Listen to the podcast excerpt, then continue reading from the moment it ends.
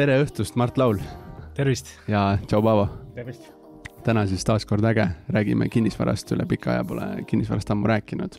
Äh, ja meil on külas siis Mart, nagu ma mainisin, kes oma põhitegevuskohaga on äh, hoopis iduettevõtete valdkonnas, täpsemalt äh, Dashbirdi nimelise ettevõtte ärijuht ehk COO inglise keeles. ja varasem kogemus sul samuti edu, idusektorist, ehk siis oled töötanud Stigos ja Bikekeepis ja lisaks rahvusvahelise võistluse Robotex üks kunagistest peakorraldajatest, teed äh, Amazoni äri, freelance konsulteerid erinevaid ettevõtteid ja, ja selle kõige kõrval veel oled äh, kinnisvarainvestor. hunt kriimsilm, nagu sa oled, et tegeled nii mitme suure tükiga paralleelselt, et äh, kust tuleb see energia ja ambitsioon võtta nii palju korraga lauale kokku ja siis see kõik ära manageerida? No ega tegelikult, et kui mitut asja korraga teha, et ega siis äh, lõpuks ei tee midagi hästi, et äh, eks ma olen ka fokusseerinud rohkem, et äh, et tegeledagi põhiäriga, mis on mul siis ikkagi iduettevõtlus ja seda ajada, et äh, kõik muu, mis juurde tuleb, et äh, nagu need Amazoni ärid ja investeerimised, et kõik see tuleb äh, ikkagi lõppude lõpuks nii-öelda kõrvaltegevusena ja, ja ta on toetav, et aga noh, kui piisavalt nagu eesmärke seada, piisavalt aega juhtida, et äh, siis, siis eks siis jõuab kõike. väga äge, et kindlasti paljudel on sinult õppida. tahaks loota. sinu taust on äh, mehaaniline inseneer ja täna me oleme sind siia kutsunud nagu kui kinnisvarainvestorit. ja ma saan aru, et sa oled sellise nelja aasta jooksul üks muljetavaldava portfelli loonud, äh, kuuekohalise portfelli. et kuidas see kõik alguse sai? No ütleme tegelikult ma mehaanika inseneeriaga üleüldse tege-, tegelikult äh, selles valdkonnas töötanud ei ole, et äh, kui ma ülikooli astusin, et äh, põhimõtteliselt esimesel aastal värvati mind kohe siis USA-sse raamatuid müüma, et äh, sealt edasi avanesid mulle võimalus, avanes võimalus äh, tegeleda Robotexiga ja seda eest juhtida. Ja siis on niimoodi lihtsalt uksed kuidagi avanenud, ma olen võimalustest kinni haaranud, et äh, siin erinevates startup ides ja, ja jooksvalt on siis nagu endal hakanud tekkima äh, huvi ka investeerimise vastu, et nii ta vaikselt on läinud. milline sinu esimene investeering oli? esimene investeering oli siis kaks tuhat neliteist aastal, ostsin LHV Pärsia lahe fondi, oli üks paarisaja euro eest ja nat-, mingi nädal hiljem võtsin äh, miinus nelikümmend eurot välja sealt ja aga jah. sa olid sel ajal umbes niisugune kahekümne aastane tudeng, et äh, mis su peas toimus nagu, et kas sa olid nagu hirmul või olid sa ahne või mis see investeerimispsühholoogia seal seal taga oli, mida sa meenutad sellest ajast? ma arvan, et tollel hetkel mingit psühholoogiat seal taga ei olnud, ma arvan, et see oligi lihtsalt see, et äh, ma nägin, et äh, noh, kuna ma käisin USA-s raamatuid müümas, et seal inimesed tegelesid selle investeerimisega, et äh, ma vaatasin, et miks mitte proovida, et natuke ma sealt siis nagu näpuotsaga ostsin, nii palju kui raha oli ja aga ega ma tegelikult teadlikult midagi siis ei, tol hetkel veel ei teinud. miks sa kohe maha müüsid nüüd? no ma vaatasin, miinus tuli sisse, et ei tahtnud rahast ilma jääda. et ikka hirm tuli peale? hirm tuli peale, jah. aga mida sa sellest õppisid, sellest esimesest investeeringust? ma arvan, et äh, põhiõppetund oli seal ikkagi see, et äh, tasub äh, ikkagi natuke eeltööd ka teha, et kuhu sa sisse lähed, et noh, näiteks selle Pärsia lahe fondiga ma vaatasin, et oli kõvasti oli kasvanud äh,, et ma mõtlesin, et noh, ma siis lähen sõidan ralliga kaasa, aga läksin hoopis tipust ostma. niisuguse väikse kähkuka sa tegid kahe tuhande neljateistkümnendal aastal, millal sa teadlikult investeerimisega tegelema hakkasid? ma arvan, et see oli kuskil niisugune kaks tuhat seitseteist, kaks tuhat kaheksateist, et siis, kui ma päriselt hakkasin nii-öelda Exceldama ja lugesin erinevaid raamatuid ja käisin erinevatel kinnisvara ja, ja investeerimiskoolitustel. et see oli võib-olla selline teadliku investeerimise algus. kuidas sa endas motivatsiooni leidsid? noh, ma arvan, et lihtsalt see oligi see, et kuna ma olin äh, puutunud kokku selle raamatu müügiga ja sealt on äh, tulnud sellised äh, suured ninad nagu Jaak Roosaare eest, et et sai loetud neid erinevaid raamatuid ja, ja sealt tekkiski selline huvi, et et ma arvan, et nii, nii ta tuli. ja kuidas sa jõudsid kinnisvarani, et noh, tavaliselt kui nagu nooremate inimestega räägin, siis ma kuulen nagu väljendeid krüpto ja, ja midagi nagu taolist, aga sina jõudsid nagu kinnisvarani, et. no eks seal oli, ma arvan, et võib-olla isegi samamoodi, et hakkasin seal äh, Jaak Roosaare raamatuid otsast lugema, et äh, nii seal, mis see kirjas oli, seal ma siis järjest ostsin, et nii ühisrahastust kui aktsiaid ja siis mingi hetk tuli seal see kinnisvara peatükk, et siis ma pidin ise ka järgi vaatama, et, et äh, peab järgi proovima. Või osad äh, küsivad just, et tudengina, et jah, üks asi on nagu raamatuid lugeda, aga noh, kus see raha leida, et no ega mingil hetkel seda raha ei olnudki, et äh, eks ma alustasin ka hästi-hästi väikselt, et panin seal mõnisada eurot kuskile Bondorasse noh, tollel ajal siis vist ise pankur ja ja hakkasingi seal vaikselt äh,, vaikselt pihta, et äh, vaikselt ta kogunes ja mida rohkem siis kõrvale sai pandud, et seda rohkem sai ka investeeritud lõpuks. Et oma säästudest äh, äh ehitasid endale investeerimisportfelli ülesse? just. ja kuidas äh, kuidas see teekond nüüd on neli aastat möödas, et kas see neli aastat on nii, nagu sa kunagi seal Excelites planeerisid või on hoopis väga teistmoodi läinud? no me, see on täpselt nagu Bill Gates on öelnud, et esimene aasta, et, et kui planeerid aastat, et siis sa nii-öelda sead liiga suuri ambitsioone ja et kui planeerid endal kümmet aastat, et siis on nagu alahindad, mis sa teha suudad, et ma arvan, et täpselt nii see ka juhtunud on, et äh, et esimene aasta ma planeerisin endale selliseid suuri portfelle ja suuri tootlusi, et mida paraku tol hetkel ei tulnud, aga kui nüüd vaadata tagasi, et mis nelja aastaga on juhtunud, et noh, siis ma ei oleks arvanud, et ma, ma siia olen jõudnud. oli sul selliseid, kui palju sul selliseid murdumishetki oli, et pidid ma üldse sellega alustama, et oleks võinud üldse mingi inseneriks minna suurde firmasse heale palgale ja ja ilusat elu elanud palgatöötajana? no eks ma palgatöötajana elasin ka, et äh, kõikides startup ides, kus ma tööl olen olnud ja et seal palgatööd ma olen teinud, aga aga eks seal tekkiski see huvi, et, et, et elu lõpuni ei taha lihtsalt jääda sinna oravrattasse, et pigem, pigem saada otsustada ise, et mis sa teha tahad, et ei peaks nagu raha pärast muretsema ja noh, minu pool on see, et ma tahaks lihtsalt raha võtta nii-öelda niisugusest eluvalemist välja, et ma saaksin kõige muuga tegeleda, et perekonnaga suhelda, sõpradega, hobidega, kui, kui on soov, noh, aasta aega mitte tööd teha, et mul oleks see võimalus olemas, et mitte, et ma midagi muudaks praeguse elu juures, et mulle väga meeldib, mis ma teen. Ja tõenäoliselt, kui mul oleks piisavalt raha, ma teeksin ikka samamoodi, aga, aga lihtsalt, et mul oleks see, kuklas oleks niisugune võimalus olemas, et, et ma teaksin, et mul on see variant kuidas mõttekaaslasi leida oli, et rääkidagi investeeringutest ja, ja arutada et äh, oli see lihtne nagu või sa pidid ka mõningates seltskondades varjama, et, et ma olen sinna kuskile ühisrahastusse raha pannud või? ütleme, mingil hetkel, siis kui ma alustasin, siis ei olnud äh, liiga palju inimesi, kes sellega tegeles, et äh, ma ühe sõbraga nagu vaikselt hakkasin nokitsema, et äh, kuna me koos Robotexi korraldasime, et siis temaga saime, saime esimesed investeeringud nii-öelda läbi räägitud, aga ega tollel hetkel nagu mul tuttavad ei investeerinud, aga noh, kui nüüd järgi vaadata viimase aasta jooksul, et siis on järjest äh, rohkem on niisuguseid sõpru-tuttavaid on hakanud huvi tundma, et, et kuhu raha panna, kuidas seda teha ja nagu endal on ka rohkem huvi võib-olla leida selliseid mõttekaaslasi, kellega koos kas investeerida või arutada mm. -hmm. väga äge, aga kui siis tullagi natuke rohkem tänasesse päeva, et äh, täiesti sulle endale mugaval äh, nii-öelda mugavas formaadis, et millest su portfell siis koosneb, mis põnevaid asju seal peidus on? no hetkel seal on, äh, suures osas on kinnisvara, et ma arvan, et seal on kuskil niisugune seitsekümmend protsenti, et see on kõik on soetusmaksumuse hinnangul, et tõenäoliselt kui praegu nüüd turul kõik ümber hinnata, et siis võib-olla see protsent kasvab, et sinna kuulub siis mul kolm korterit, mis on mul endal, me oleme siis teinud sõpradega niisuguse kinnisvarafondi,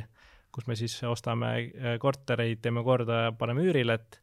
seal on meil selline neli korterit hetkel ja, ja siis on niisugune jupikene,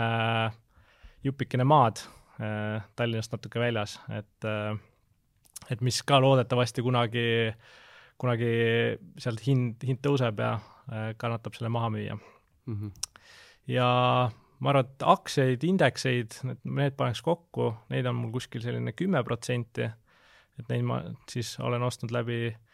läbi Interactive Brokersi kasvukonto, kolmanda samba, et niisugune investeerimiskonto, et äh, hajutanud seal erinevate kohtade vahel.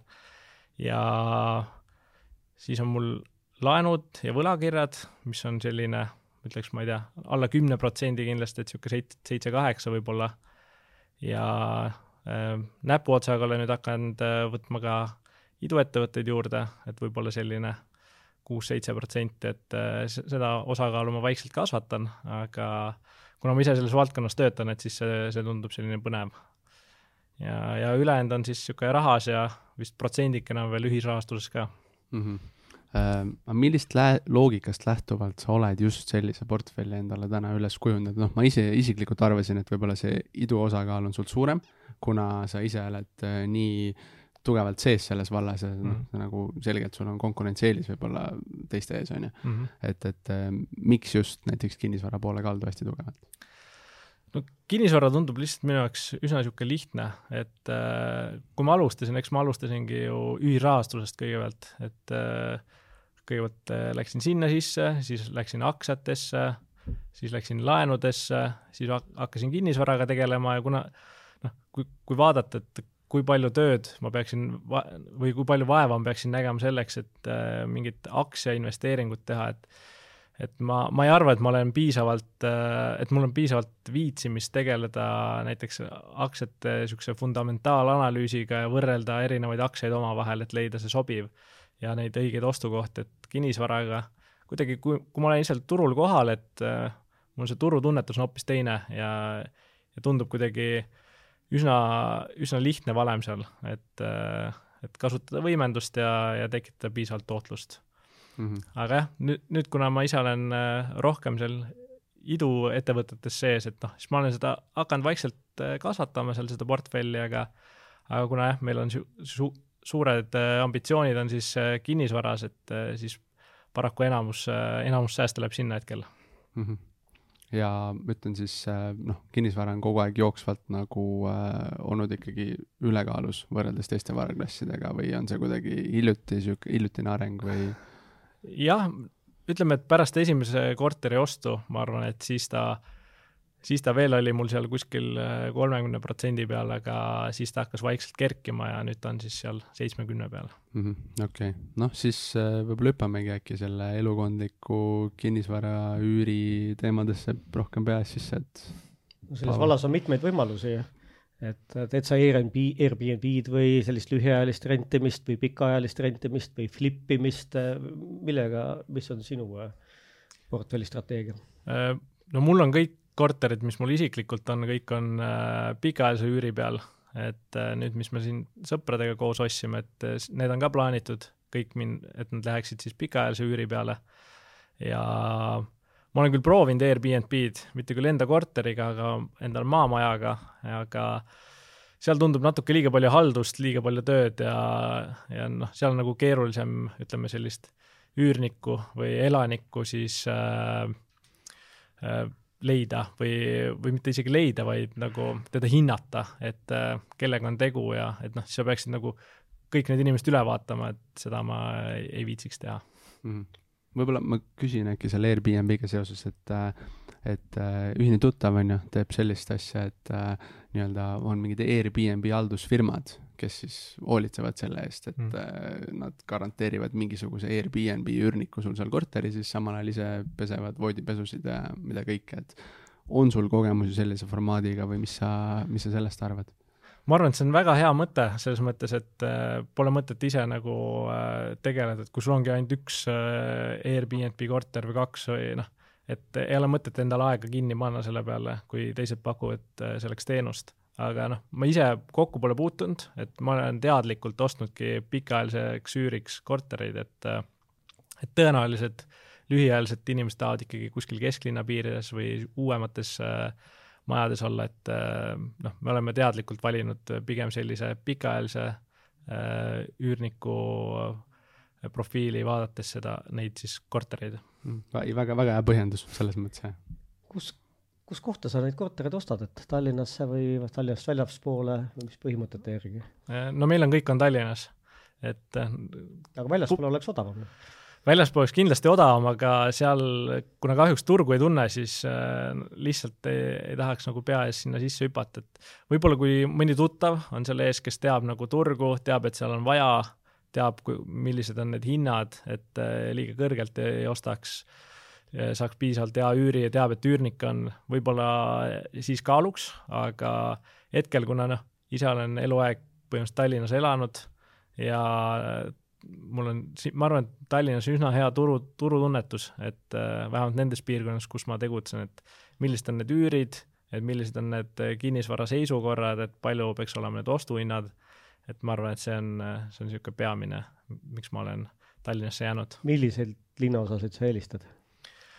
no eks ma eelistan ikkagi, eelistaks kesklinna, kui sinna mõistliku hinnaga saaks kortereid, et äh, paraku äh, seda ei saa, ehk siis ma olen tegelikult vaadanud sinna Kalamaja poole, ma olen va- ja, ja Arsenali keskuse juurde, äh, siis on Tondis, Tondil on mul seal paar korterit ja, ja ka Mustamäel. Ma olen kuulnud, et sellised kogenud kinnisvarainvestorid ütlevad, et äh, kui korterit vaatama minna ja haiseb halvasti, siis lõhnab hea tasuvuse järgi, et äh, oled sa nõus selle väitega? jah, ütleme nii, et kui korter haiseb halvasti, siis, siis küll, aga kui maja haiseb ka halvasti ja, ja seal on võib-olla näha mõnda,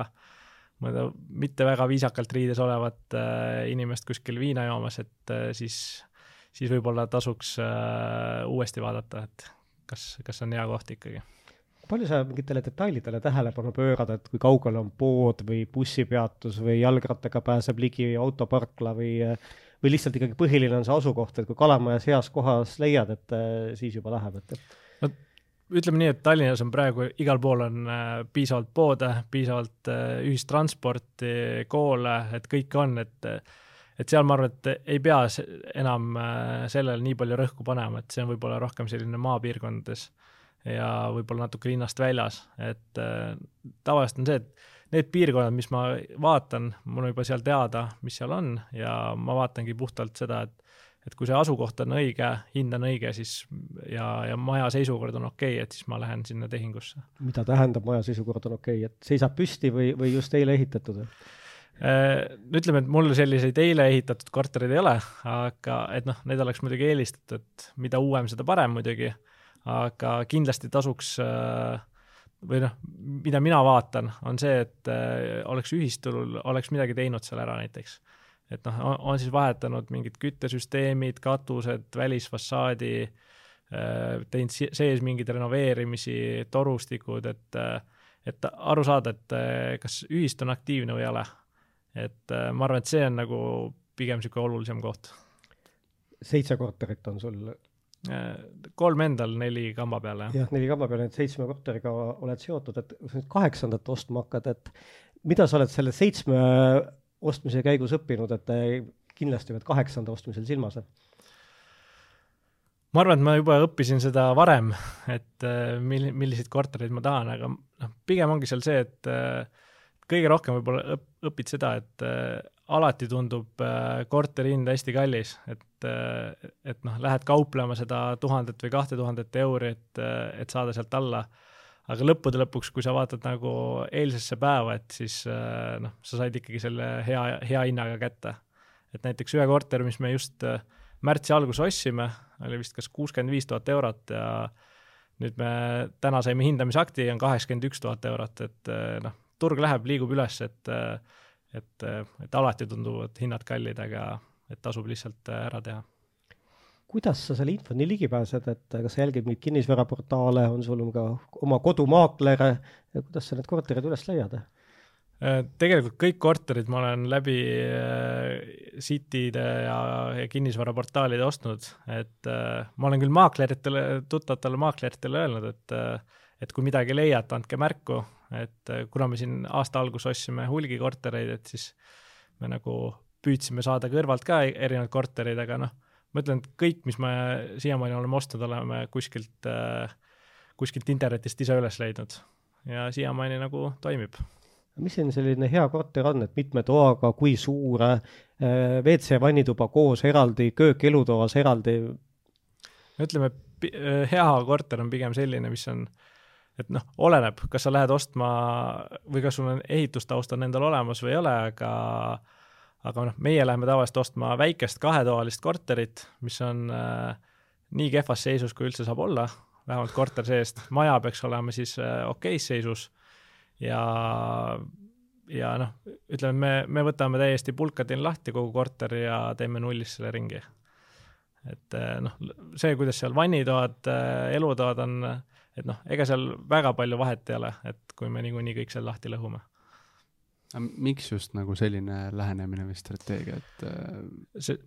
seal on, seal on paar põhjust, et äh, üks on näiteks see, et äh, kui ma need endale isiklikult korterid ostsin, et siis need korterid ma olen ostnud otse välja või noh, olen ära ostnud ja kohe üürniku sisse pannud. et äh, aga praegu lihtsalt vaadates seda turuseisu, ongi see, et äh, sul peab mingi eelis olema, et äh, noh, muidu teeksid kõik seda, et ostaksid neid korterid, paneksid kohe üürile, et me vaatasime lihtsalt, et äh, ei ole hea hinnaga saada selliseid kortereid, mille sa saad kohe üürile panna, et ja otsustasime, et lähme hoopis teistpidi, et noh, seal on veel, tuleb juurde see ka, et kui sa korteri siis ära renoveerid, saad äh, ta kõrgemalt ära hinnata ja saad pangast paremini, parematel tingimustel laenu siis. Mhm, okei okay. äh,, aga nüüd ütleme, võtate niisuguse korteri, mis on nagu noh, ikkagi vaevu seisab püsti, eks ole äh,. noh, mõistagi teie peate siis selle kuidagi korda tegema, kas ise käite seal elektrit paigaldamas, veetorusid vedamas või on teil mingi meeskond selle jaoks? no eks me teeme, osa teeme ise, osa teeb meil ikkagi meeskond, et me ise nagu otseselt ehitamas ei käi, vahepeal käime lammutamas, et meil esmaspäeval lõbusam osa sellest tööst. no vot, esmaspäevalgi tassisin neid betoonplokke neljandalt korruselt alla. ja aga tegelikult noh, eks meil on, üks mees on lihtsalt väga hea ehitustaustaga, kes äh, on kõik, kõik, enamus asjad ära orgunninud seal ja, ja noh, meie käime lihtsalt peamiselt abiks talle selles see teie konkurentsieelis siis seisnebki, et Just. ma kujutan ette, kui ma peaks ise võtma mingi täiesti räämas korterit, hakkama nullist seda üles ehitama, siis äh, see oleks nagu nii miinusprojekt, kui üldse annab olla. no see võib minna kalliks jah, et äh, meil on õn-, õnneks on teada jah, et kust, äh, kust võtta maaler, kust võtta torumees ja, ja nii, nii ta liigub. no kuhu te selle piiri nagu panete, et noh, te võite ju seda korterit ju renoveerima jäädagi ja järjest paremaks teha, aga mm -hmm. üür sellest ei tõuse, et mm -hmm. kuidas te selle tasakaalu ära tunnete, et kui palju üldse tasub teha, et no me teeme alati või no ütleme, peamiselt teeme kõik ringi, aga me teeme ta ringi niimoodi, et ta ei, ta ei ole ei kallis, ei odav, et me ei pane sinna luksusmööblit, noh, enamasti me paneme ikkagi sellist igemööblit või kui me kuskilt turu pealt leiame hea hinnaga mõne, mõne muu mööbli eseme, paneme selle sisse. et äh, me ei tee kindlasti nagu mingit kehva asja, et äh, aga ma arvan, et see on selline ütleme, niisugust kesk, keskmist äh, paneelika nii-öelda korterit, et äh, mis on selline renoveeritud. mainisid seda jah, just praegu ka renoveerituse astet, aga olete enda jaoks tõmmanud mingi piiri ka, et noh, mis ikkagi võiks see hoone nagu vanus näiteks olla, et kas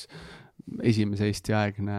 mingisugune kahekordne puumaja või, või ikkagi Nõukogude aegadest pärit mingi Hruštšovka või on mingeid eelistusi seal? no ütleme, et enamus paneelikad jäävad sinna kuuekümne viie aasta, no siis mingi kuuskümmend kuni kuuskümmend viis, et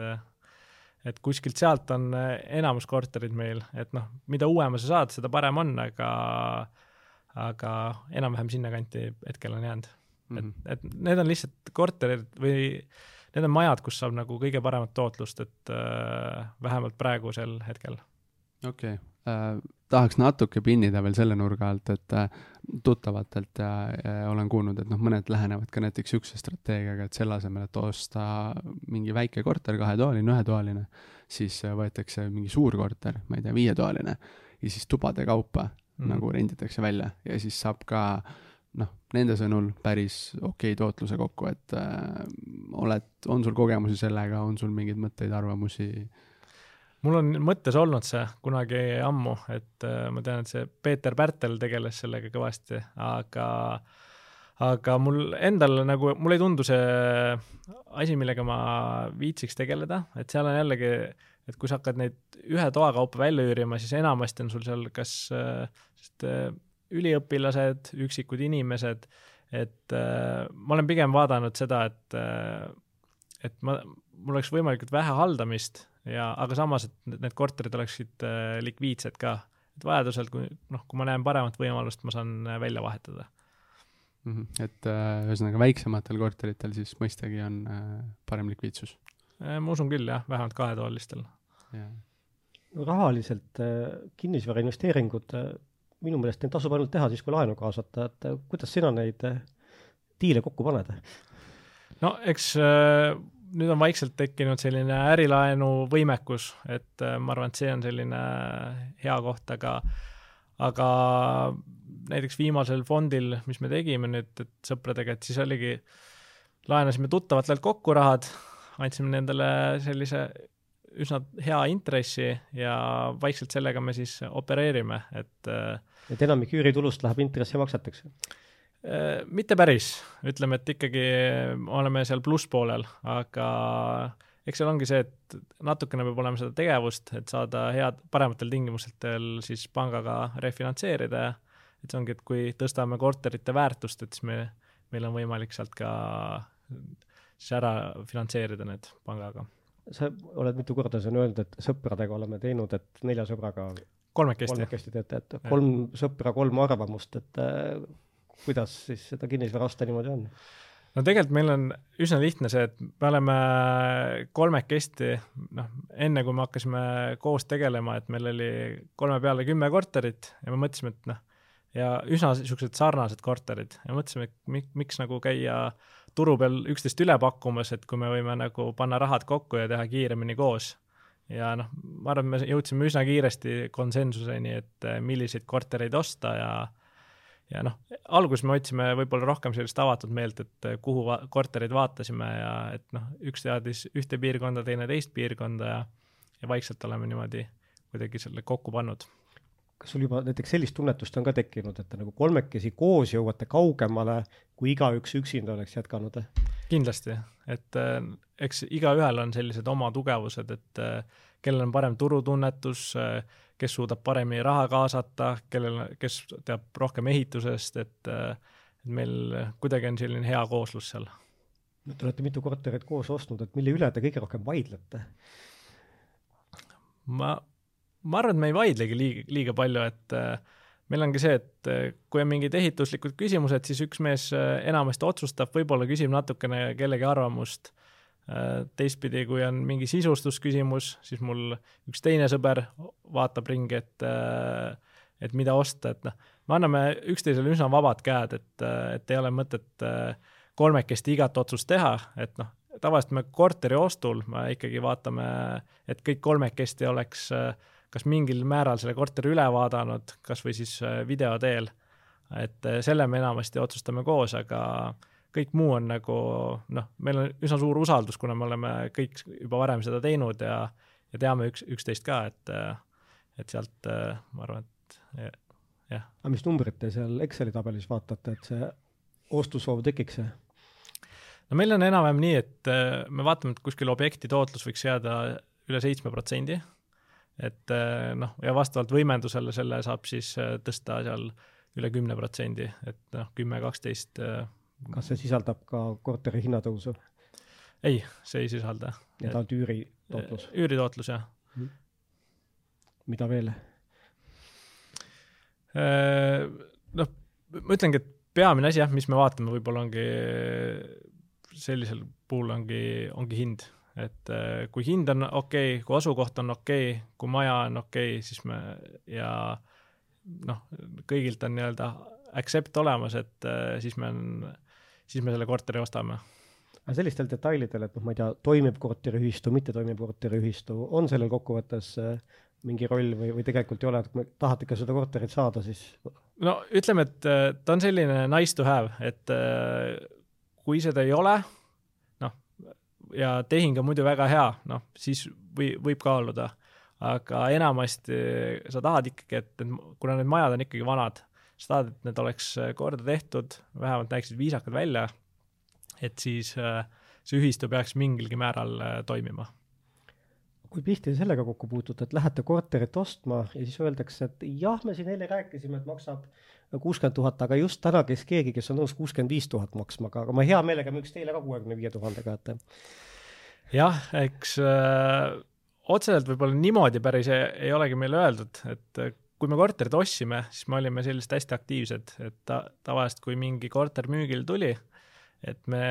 olime enamasti esimesed vaatajad ja meil on juba, oli varas, varasemalt kokku lepitud omavahel, et äh, et kui korter sobib, me oleme koha peal käed. et äh, ja selle hinnaga või siis natuke odavamalt, kui, kui pakutakse aga naabrite eluviisiga niimoodi tuttavaks ei saa ju, et? paraku ei saa jah, et mul esimese korteriga muidugi oligi nii, et, et maakler äh, maakler, kui käis näitamas seda, et äh, üürile panna, et siis äh, ütles, et seal näiteks naaber oli kõvasti viiuliga kääksutanud, et äh, no eks see, see ikka tuleb ette, et kui me seal kohapeal võib-olla ei kuule, et mis, et mis naa-, nii-öelda naabrid teevad, et siis enam, üldjuhul me nagu selle ära ostame tuli, olemegi nüüd vaikselt jõudmas siin nagu riskide juurde, et äh, eks ju sa, sul on sellised pikaajalised üürilepingud, et äh, et kuidas sa neid üürnikke leiad? no oma korterist ma ena, enamasti olen otsinud ise, et äh, ma ei ole isegi neid kuskile portaalidesse pannud, ma olen tavaliselt pannud Facebooki, et äh, ja sealt, äh, sealt on nagu üsna kiiresti ja hästi tulnud äh, üürnikud äh,. kuna noh, mul on enamus on või mul on vist kõik inimesed on välismaalased, kes, kes mult korterit üürivad, et et neid on kuidagi, minu jaoks on nagu üsna lihtne leida, et või noh, nad leiavad ise korteri ülesse ja kuna paljud ei taha lihtsalt nend-, välismaalastele üürile anda korterit, kun noh, on seal siis keelebarjäär või midagi muud, et et minu jaoks on see üsna selline lihtne aga nüüd me oleme hakanud kasutama maaklerit, et äh, kuna lihtsalt endal võib-olla aega ei ole nii palju. miks, miks välismaalane on hea üürnik? mulle tundub, et äh, noh, seal ei ole võib-olla isegi vahet, et kas ta on välismaalane või ei ole, mul on lihtsalt kuidagi sattunud välismaalased, aga äh, nad tunduvad üsna sellised tänulikud, et sa võtad neid nii-öelda oma koju vastu, et et ma arvan, et see ongi üks selline põhiline põhjus kuidas sa seda taustakontrolli teed või kuidas sa tagad, et kui see üürileping läbi saab, et sul nagu pommiauku järgi pole jäänud? no ega seal äh, on kindlasti mõningaid asju, mis sa saad teha, aga lõppude lõpuks on ikkagi see üürnikus kinni. aga noh, eks krediidiinfot vaatan, vaatan in inimesele sügavalt silma, vaat-, vaatan, et kas äh, tundub normaalne inimene või ei tundu. et enamasti, kui ma korterit näitamas käin, siis ma uurin inimese kohta piisavalt palju, et millega ta tegeleb ja miks ta näiteks äh, Eestis on ja miks ta korterit otsib ja, ja nii edasi, et et sealt saab tegelikult päris palju infot inimese kohta ja sa, noh, ma usun, et mul on üsna hea selline inimeste äh, tundmise äh, oskus, et äh, ma saan aru, et milliste inimestega on tegu. nüüd sa oled maaklerile selle, seda delegeerimas? no seal ongi lihtsalt see, et kui juba mahud lähevad suuremaks, siis lihtsalt ei jaksa kõigile näitamas käia, et et esimeste korteritega oli nagu seda lihtne teha, aga jah, kui sa sõidad võib-olla linna ühest otsast teise selleks, et kort-, korterit näidata ja seda pead mitu korda tegema, et et pigem jätan selle siis professionaalidele, et aga sinu kogemusel, et on vahet ka, et kas siis üürida IT-spetsialistile või ehitajale? no mul pole ehitajaid olnud veel, et mul on siin küll IT-spetsialiste on olnud ja, ja erinevates muudes näiteks startup ides töötavaid inimesi ja, ja tudengeid, et äh, ma ütleks, et tegelikult eh, ma ei näe, et oleks nagu väga suur vahe, et eh, kui inimene on normaalne, siis ta on normaalne ja küsi-, küsiks võib-olla teise nurga alt, et äh, kas see on mingisugune riskigrupp või mingi kontingent rahvast, kellele sa kindlasti korterit ei annaks? Ma ei välista mitte kedagi et võib-olla sellist inimest, kes tulevad kohe näiteks äh, alla küsima hinnas, et äh, ütlevadki, et nii, et kas äh,, et kas on võimalik saada, ma ei tea, viiskümmend eurot kohe alla, et et see on, on näha, et kui ta juba tuleb sellist asja küsima, et siis tõenäoliselt ta ei ole sellise võib-olla parima maksevõimega, et noh, kui mul on veel, veel muid variante seal. Ja, ja noh, ega ma tegelikult äh, kuidagi ei diskrimineeri, et ma, ma enamasti püüan ikkagi kõigile ära näidata ja, ja vaadata, et kes on lihtsalt normaalne inimene, et mul on seal üksikuid meesterahvaid ja, ja noh, paarikesi ja kõike, et, et kõik, kõik on siiamaani väga, väga toredad. välismaalaste puhul ikkagi see taustakontrolli tegemine on keeruline, sest Google'is võib olla miljon inimest sama nimega, et sa siiski põhimõtteliselt sellele ühele kokkusaamisele siis äh, põhined oma ost- või oma üüriotsustel põhimõtteliselt küll jah, et ma vähemalt siiamaani, et siis, kui ma ise korterid välja andsin, et siis ma puhtalt üt-, küsisingi inimese tausta kohta, millega ta tegeleb ja, ja, ja kõik see, et et ma arvan, et sealt ma sain lihtsalt päris hea info kätte inimese kohta. kas äh, kasutad sa mingisuguseid, ütleme, kindlustusteenuseid ka juhuks, kui ma ei tea, korteris midagi jamasti läheb, äh, suurem veeavarii või üürnik mingisuguse jamaga totaalselt hakkama saab? no kõik kor-, korterid on mul kindlustatud, et noh, seda nõuab ju pank tegelikult ja noh, endal on ka turvatunne, aga noh, nüüd me oleme näiteks hakanud kasutama rendinit, et äh, see annab meile veel lisakindluse nii-öelda, et kui korteriga peaks midagi juhtuma, et äh, et jah, et äh, pigem karta kui kahetseda, ma arvan siit, kui korteriga peaks midagi juhtuma, et mis sul need humoorikamad juhtumised on olnud, et tavaliselt ikka kinnisvarainvestoritel neid jagub? no ütleme, et mul tegelikult otseselt korteritega vist ei olegi väga midagi juhtunud, et mul on kõik üürnikud üsna normaalsed olnud ja kuna ma alles kahe, kaks tuhat kaheksateist alustasin, et mul ei ole väga palju just üürnikke vahetunud ka, et et viimased korterid ma olen just jah, eelmisel aastal ostnud ja, või sellel aastal, et äh, siiamaani on kõik üürnikud sees, et vahepeal ma olen küll vaatamas seal käinud, kui on vaja midagi vahetada olnud või, või midagi, aga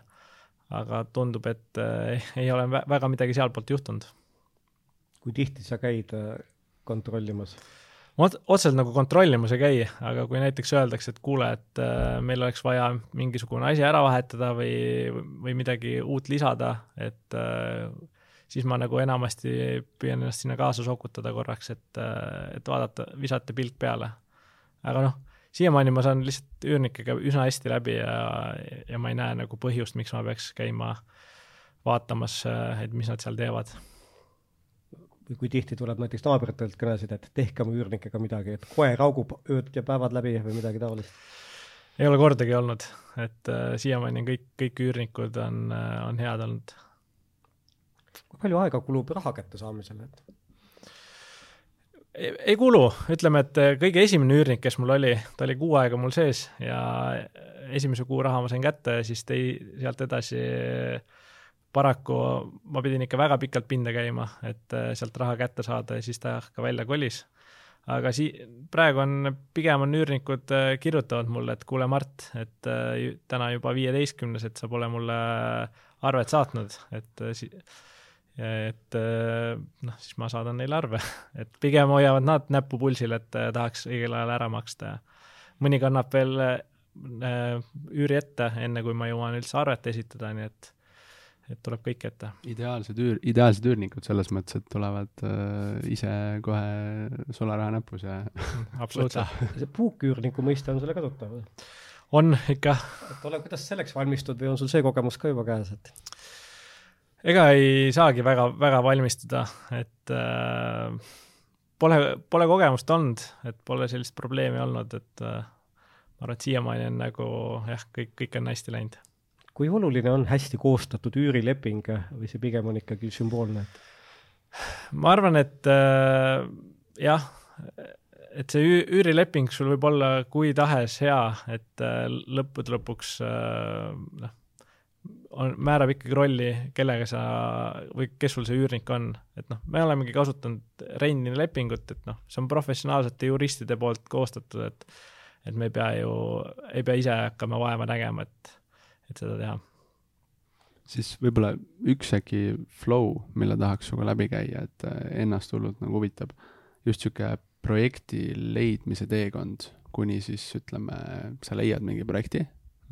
kuni siis selleni, et äh, reaalselt üürnik kolib sisse mm. -hmm. et äh, mainisid kv.ee, City24 ja muud analoogsed platvormid mm. -hmm. mille vaatamise, tutvumisega sa üldse nagu alustad? oletame, et leidsid kv.ee-st nagu selle Äh, potentsiaalse projekti mm, -hmm. mis sa esimesena üldse vaatad, mis on küsida, millised filtrid sa peale jah, mis filtrid sa peale paned, ütleme, hakkame siin isegi, isegi niimoodi peale. ma võtaksin sealt veel isegi sammu tagasi, et äh, kuna me siin näiteks sõpradega koos ostame, et äh, siis me esialgu arutame oma, omavahel läbi, et äh, palju me neid kortereid tahame osta, et äh, juba sealt, et kui me ostame neid mitu tükki, siis on see, et sul üks korter võib natuke kallim olla, teine natuke odavam ja sa saad lõpuks selle keskmise hinna kätte et eh, kui ma eraldi endale vaataksin, siis ma püüaksin ikkagi seda kõige madalama otsa korterit saada. aga enamasti me oleme vaadanud lihtsalt, et äh, hind klapiks, et äh, noh, on ta siis mingi kuuskümmend tuhat, kuuskümmend viis tuhat, seitsekümmend tuhat, noh, vastavalt korteri astmele. vaatame, paneme paika piirkonnad, et noh, me oleme jätnud kõrvale enamasti Lasnamäe ja Õismäe, et igale poole mujale me hoiame nagu silmad lahti. ja kui see on selline korralik kahetoaline või vähemalt korralikus majas, et siis me noh, ja hind klapib, et siis me omavahel seda põrgatame, aga me tegelikult me juba enne korterit ostma minnes või enne vaatama minnes me tavaliselt paneme paika, et kas me oleme valmis ostma seda ja mis hinnaga. kui just ei tule midagi seal äh, korteris ette, mis on noh, nagu täiesti selline, mida, mida ei piltidelt võib-olla polnud näha mm,. aga miks äh, Lasnamäe-Õismäe radarilt välja jäävad? ei tunne turgu lihtsalt, et äh, ma, ma tean, et kindlasti on võimalik väga head raha teenida Lasnamäel, et seal või, või, või Õismäel, et teha seal ägedalt projekte, aga kuna ma lihtsalt turgu ei tunne, ma ei tea seal neid hinnaklasse, et äh, paraku see, siis ta jääb mul välja -hmm.. okei ja siis ütleme, panete enda mingisuguse alguse game plan'i paika, mis siis edasi saab? Kõne omanikule, lähete kohale, kolm kambakesi, kujundate oma mingi sisemise arvamuse? no pigem ongi jah see, et me saadame selle omavahel ringi, et tegelikult ongi, olemegi kokku leppinud, et me lepime juba enne vaatamise ära ja püüame vähemalt kahekesti kohale minna, et siis vajadusel siis kas on kolmas ka juures või on, on ta video vahendusel ja, ja põhimõtteliselt me oleme juba varem kokku leppinud, et äh, mis hind oleks see maksimaalne, millega me ta ära ostaks ja et kui kõik klapib, siis me lähme ja, ja võtame ära mm. -hmm ja siis hakkavad edasi mingid, ma ei tea, pangaarutelud ja siuksed asjad peale? no me oleme praegu kasutanud äh, erarahastust, et me pole panka tehingutes kasutanud, et äh, puhtalt sellepärast, et me jõuame kiiremini tehingusse tänu sellele, et kui me ütlemegi, et meil on kohe raha olemas, võime kas või homme notarisse minna, et et enamasti küll seda ei ole, et enamasti me ikkagi siis, kui me oleme käed löönud, et siis me hakkame raha otsima alles osaliselt, et aga, aga jah,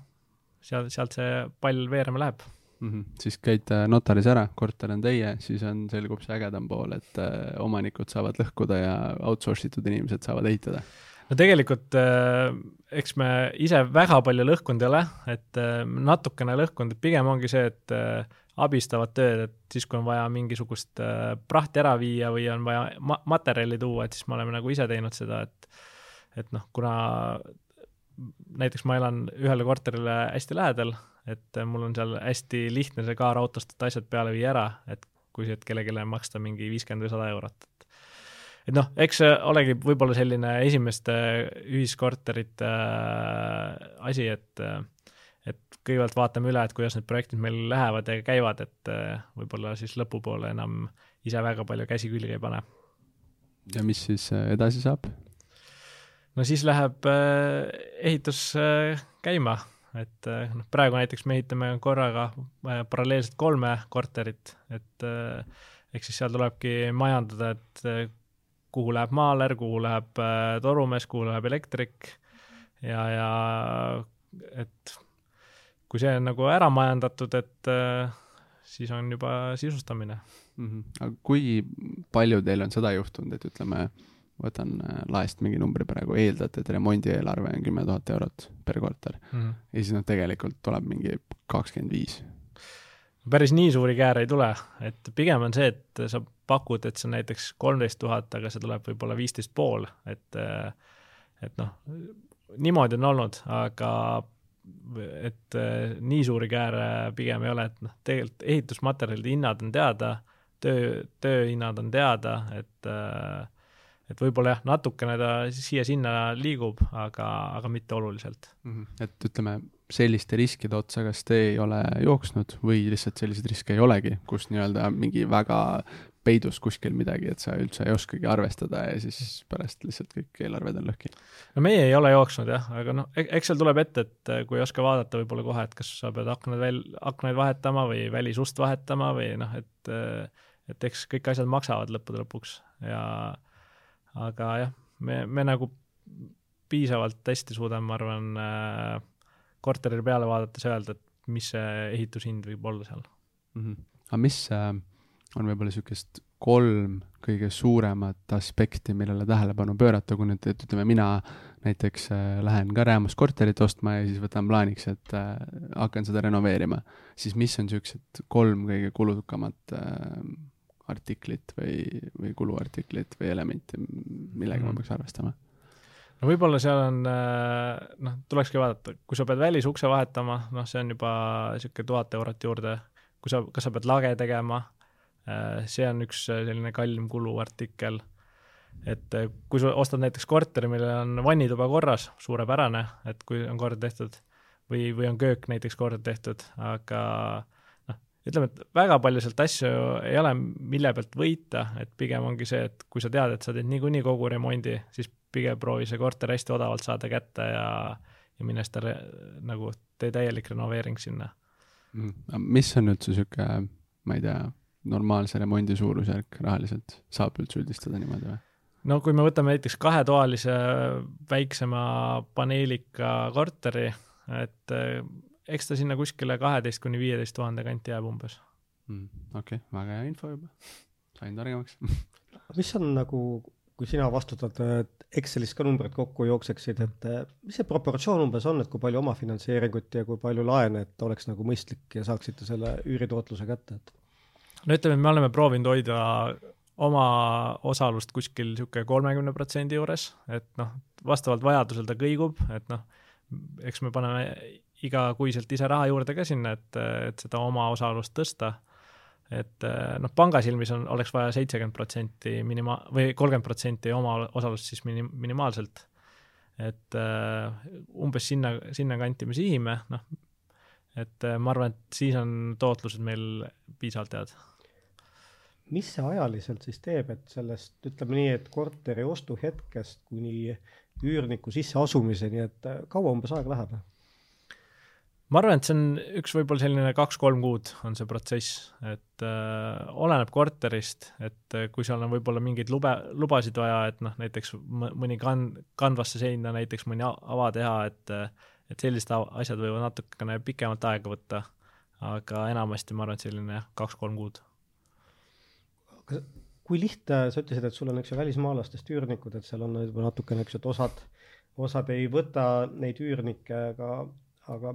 mis põhjusel nagu mõned üürnikud tulemata jäävad, et miks nad ütlevad ei, et ma seda korterit ei võta, et ma arvan, et kui korteril lihtsalt ei ole piisavalt ilusa väljanägemisega, et noh mõni diivanipadjake on kuskil puudu või? Ma arvan, et pigem see on nagu selline üleüldiselt, kui korter on väsinud, et noh, mul endal äh, on ka selliseid kortereid, et äh, kus ma, ma tean, et kui üürnik välja kolib, et siis ma lähen sinna kindlasti seda renoveerima. et, äh, et noh, mõned korterid lihtsalt on sellised väsinumad.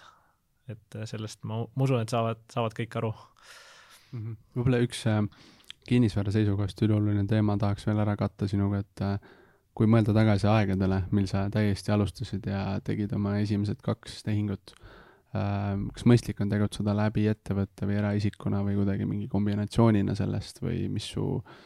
mis su nagu praktikad ja soovitused oleks? ma arvan, et see oleneb täiesti inimesest, et äh, kas äh,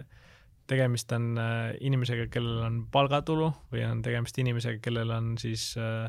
kes pakub näiteks mingeid konsultatsiooniteenuseid, esitab arveid, et äh, vastavalt sellele tuleks nagu seda planeerida. et äh, kui sa, kui sul on näiteks palgatulu ja kodulaen võtmata, elad võib-olla ise üürikas, noh, miks mitte osta endale üks korter, mille sa üürid ise välja. või kui sul on juba kodulaen võetud, võtad näiteks äh, kodukapitalilaenu, et kui on võimekust. et seal erinevaid variante on, aga kindlasti nagu kui korterit välja üürida, et siis tasuks seda teha ettevõtte alt, et äh, isegi kui korter kuulub eraisikule, et siis tehagi selline tasuta kasutamisele andmise leping siis eraisiku ja ettevõtte vahel, et äh, et ettevõte siis äh, saab kõik tulud ja, ja maksab seal kõik kulud. et aga jah, ja kui, aga kui tahad juba suuremalt teha, et siis ja sul tuleb näiteks mingisugust tulu tuleb veel näiteks ettevõttesse, et siis tasuks kindlasti hakata ärilaenude peale vaatama. mitu eluasemelaenu sul endal on? Äh, mul on üks kodulaen, et ülejäänud on kõik on ärilaenud või siis erakapitalil põhinevad laenud. siis ma mõtlen nagu alustamisel, et ma olen aru saanud, et meie pangad on selles mõttes nagu paindlikumaks läinud, et et sa saad neid eluasemelaene rohkem võtta ja isegi kui sa sealt mõne üürile annad, sa neid enam ei eruta, et nad isegi võtavad mm. selle üüritulu sinu sissetulekusse nagu arvesse. vähemalt ma olen osades pankades seda mm -hmm. juttu nagu kuulnud, et kas see sinu kogemusel vastab tõele või oled sa seda ise kasutanud? Ütleme nii, et suuremad pangad vaatavad ikkagi seda, et äh, sul tuleb nii-öelda see panga laenumakse kaetakse mujalt ära või siis vähemalt on sul natuke aega seda üüri juba tiksunud seal, et äh, ja laenulepingud sees juba mõnda aega olnud et äh, sellega saaks arvestada selle tuluga. aga ütleme, väiksemad pangad või niisugused kasvavad pangad, et äh, nad, nad vaatavad ka seda, et kui sa saad lihtsalt üürniku sisse ja et projekt on hea, et siis, siis miks mitte. kui, kui lihtne või raske on üldse nagu pangast projektiga läbi saada, et äh, ma ei tea, kas sinu jaoks on see nagu lihtne, lähed selgitad ära õiged dokumendid letti, nemad teevad kiire analüüsi uksest välja tehtud või on seal niisugust nagu närve, närvi söövat momenti ka, et, et võib veel vastu taevast lennata? no eks esimene kord, kui oli, et siis ma nagu päris täpselt ei teadnud, mis ma teen.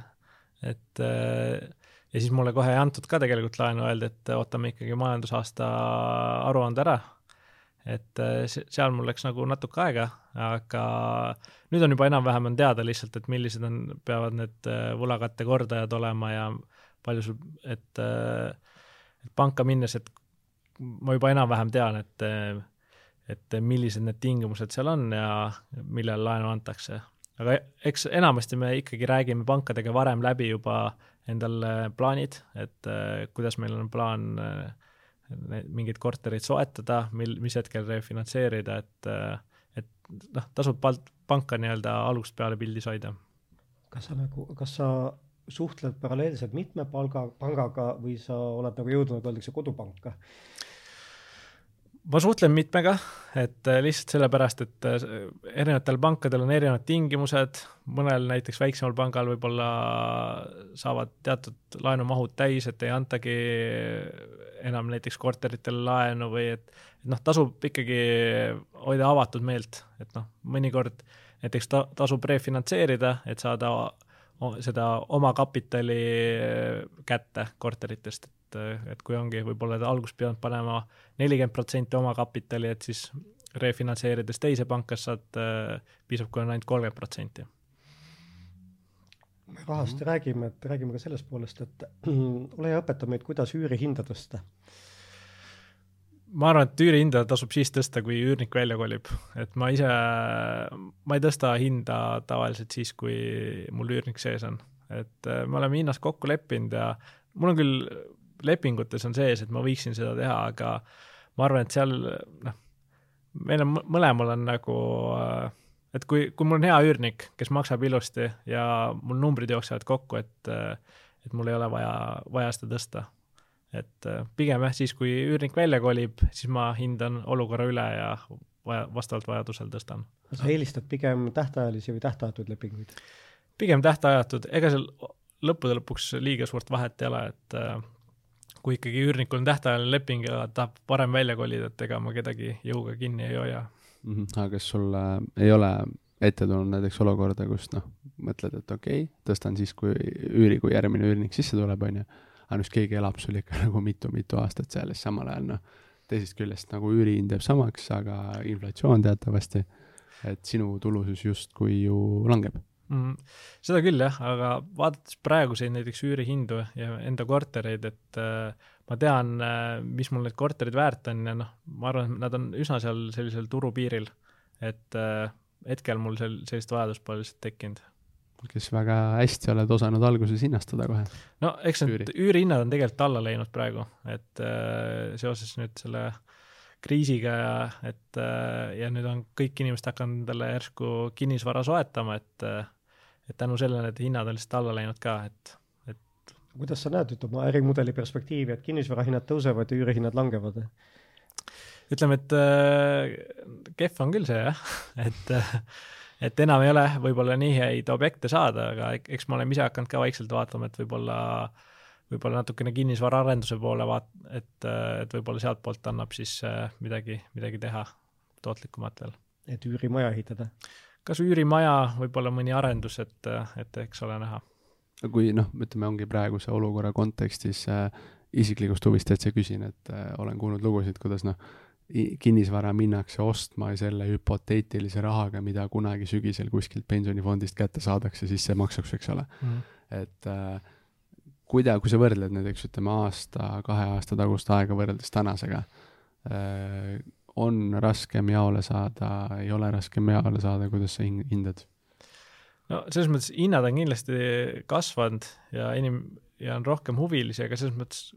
ma vaatasin täna näiteks huvi pärast äh, portaalides ringi, noh, ma leidsin vähemalt niisugune kolm-neli objekti, mida ma oleks valmis vaatama minema ja võib-olla ka ära ostma, et et ma arvan, et ikkagi leidub neid, et noh, lõppude lõpuks ongi see, see on selline nagu äh, numbrite mäng, et kui sul numbrid jooksevad kokku, et siis, siis tasub minna. Aga kui tihti ikkagi sa selle peale mõtled, et, et jah, mul siin numbrid tulevad kokku seitse-kaheksa protsenti üüritootlust, aga ma ei tea, mõne võlakirjaga või ühisrahastuses või, või äkki krüptomaailmas ikkagi teeniks rohkem, et? Ja ei noh, eks seal tegelikult nii ole, aga kuna kinnisvara on puhtalt äh, võimenduse peale ehitatud, et siis see objekti tootlus ja selline omakapitali tootlus, et need on väga erinevad, et on kortereid, kus on äh, objekti tootlus on võib-olla, ongi seitse protsenti, aga sul omakapitali tootlus on seal neliteist, viisteist protsenti, et äh, et noh, ma näen igal juhul sellist, seda paremat varianti, kui, kui panna raha võib-olla mõnda dividendi aktsiasse ja püüda sealt seda kätte saada. et kui sa saaksid aega siin mõned aastad tagasi keerata, siis sa tege-, teeksid ikkagi sama teekonna läbi?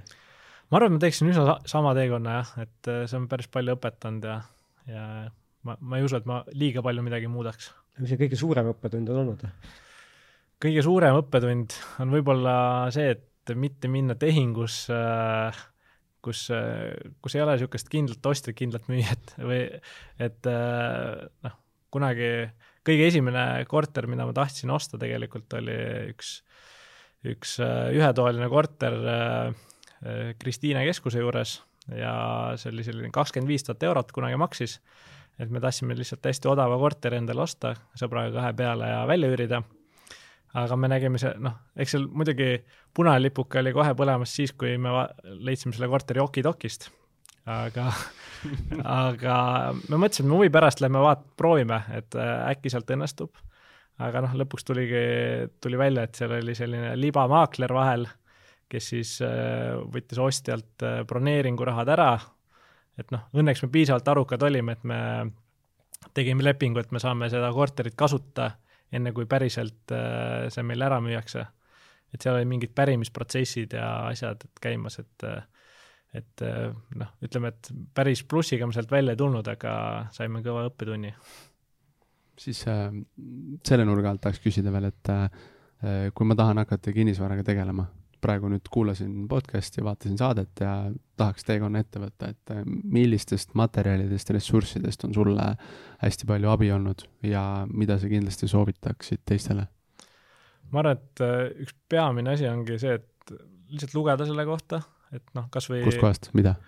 kas või äh, Roosaare raamatuid, et noh, seal on ka hästi välja toodud, kuulata podcast'e, noh nagu äh, nagu me siin oleme, investeerimisklubi podcast'id, investeerimisraadiod, kinnisvarajutud podcast'id, Äripäevas räägitakse, et ja võib-olla hakatigi arutama inimestega, kes, kes on varasemalt kokku puutunud. ja noh, tasub ka lihtsalt vaatamas käia korterid, et see isegi ei pea mingit kindlat plaani olema, aga tasub käia vaatamas, et üleüldse saada aru, et nagu mis turg teeb ja kuidas need hinnad on ja võib-olla natukene ekseldada ja vaadatagi, mis välja tuleb. mäletan, et ühel kinnisvarakoolitusel, kus mina käisin, öeldi, et enne kui üldse mingi ostu teha, et peaks umbes sadat korterit nägema, et äh, mitut korterit sina näinud oled?